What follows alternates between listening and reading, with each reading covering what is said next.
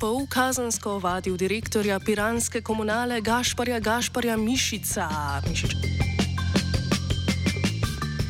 Konec Fafangelove posvetovalne skupine za COVID.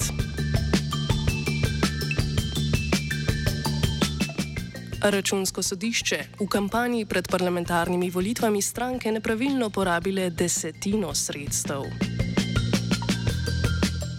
Italijanski parlament uzakonil odlog za oteževanje reševalnih akcij na Sredozemskem morju.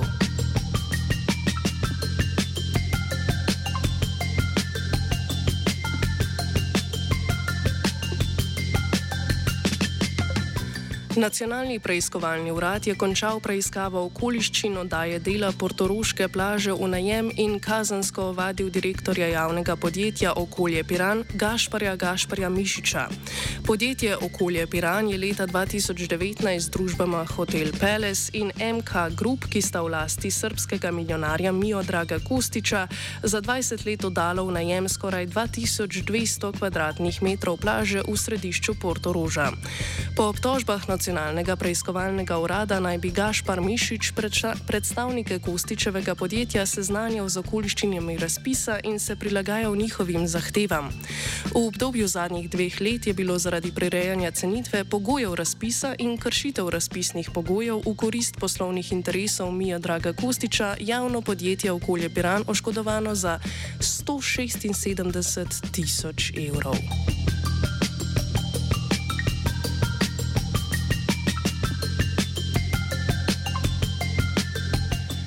Računsko sodišče je po reviziji financiranja volilnih kampanj na lanskih parlamentarnih volitvah štirim strankam izdalo mnenje s pridržkom, sedmim pa pozitivno mnenje. Mnenje s pridržkom so prejele SDS, resni PKC, konkretno in predstavnik mačarske narodne manjšine Ferenc Horvat.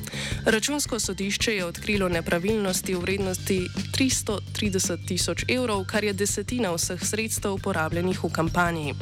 Nepravilnosti zajemajo prejemanje nedovoljenih prispevkov, plačevanje stroškov z napačnih računov, prejemanje nedovoljenih brezplačnih storitev občin, neporavnavanje celotnih stroškov volilne kampanje in podcenevanje vrednosti opravljenih storitev. Slovenska demokratska stranka je v desetih primerjih predložila pogodbo z osebami, katerih obstoja ni bilo možno potrditi ali pa te osebe niso lastnice zemljišča navedenega na pogodbi. Računsko sodišče je ocenilo, da je šlo za fiktivne pogodbe. SDS je z volilnega računa poravnala tudi stroške v vrednosti 60 tisoč evrov, ki jih ne bi smeli obravnavati kot stroške kampanje. Stranka je poleg tega prejela več nedenarnih prispevkov in brezplačnih storitev v nasprotju z zakonom. Denarno protivrednost prispevkov pa je naknadno nakazala humanitarnim namenom.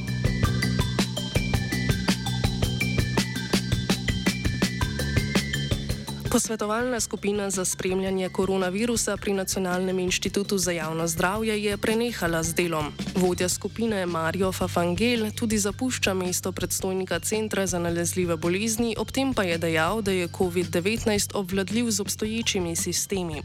Fafangela bo kot predstojnika Centra za nalezljive bolezni nasledila nacionalna koordinatorica za cepljenje Marta Grgič-Vitek.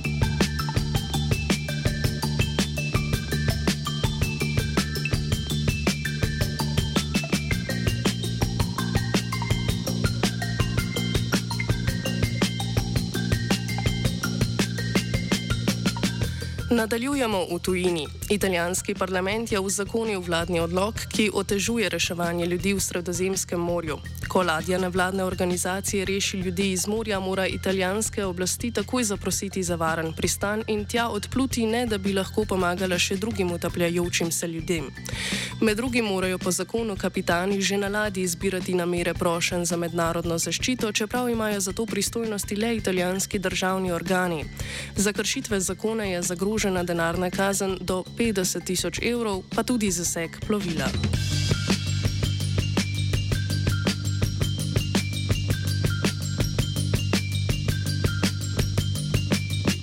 Tunizijska policija je aretirala Juharja Bena Mbareka, enega vidnejših organizatorjev protestov proti predsedniku Kaisu Sajedu. Mbarek je vodja gibanja državljanov proti državnemu udaru, ki ga je predsednik zamrznitvijo delovanja parlamenta izvedel pred skoraj dvema letoma. Zapiranje opozicijskih figur se je v Tuniziji začelo po parlamentarnih volitvah, ki so jih državljani decembra in januarja letos bojkotirali. Pred dvema dnevoma so aretirali tudi vodjo republikanske stranke Isama Čebija in opozicijsko aktivistko Čaimo Isa. Oblasti so tako do dobra pozaprle vodstvo protestov, ki od januarja potekajo proti Sajedu. Protestniki zahtevajo odstop predsednika, ki je lani sprejel ustavo, po kateri je večino politične moči pridobila predsedniška funkcija, omejuje pa vlogo parlamenta in političnih strank.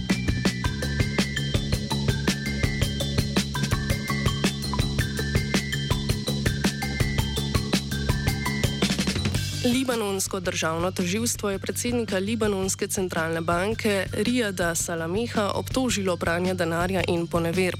Po navedbah državnega toživstva je Salameh s svojim bratom med letoma 2002 in 2015 poneveril skoraj 300 milijonov evrov.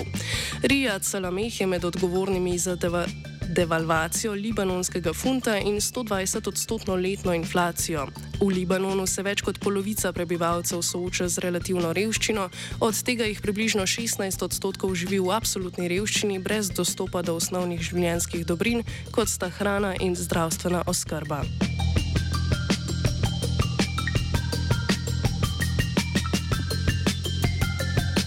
Kosovski parlament je ratificiral tri sporazume z državami Zahodnega Balkana. Eden izmed sporazumov omogoča brezvizumski prehod med Kosovom ter Bosno in Hercegovino. Državljani obeh držav bodo lahko mejo prehajali z osebnimi izkaznicami. Druga dva sporazuma določata meddržavno priznavanje univerzitetnih diplom in kvalifikacij za zdravnike, zobozdravnike in arhitekte. Študentje so doslej morali za priznavanje diplome, pridobljene na Kosovi, Kosovu, morali plačati plačati stroške med 200 in 500 evri. Sporazume je Kosovo sklenilo z Albanijo, Bosno, Severno Makedonijo, Črnogoro in Srbijo.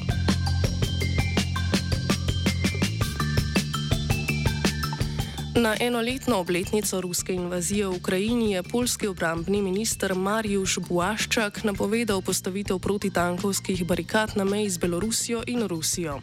Protitankovske barikade so za zdaj postavljene le na meji med Polsko in Rusko-Kaliningrajsko oblastjo. Buaščak je pojasnil, da so barikade del polske obrambne in odvračilne strategije. Poljska je na meji z Belorusijo postavila 181 km ograje za preprečevanje vstopa migrantov. Postaviti mora še 25 km ograje.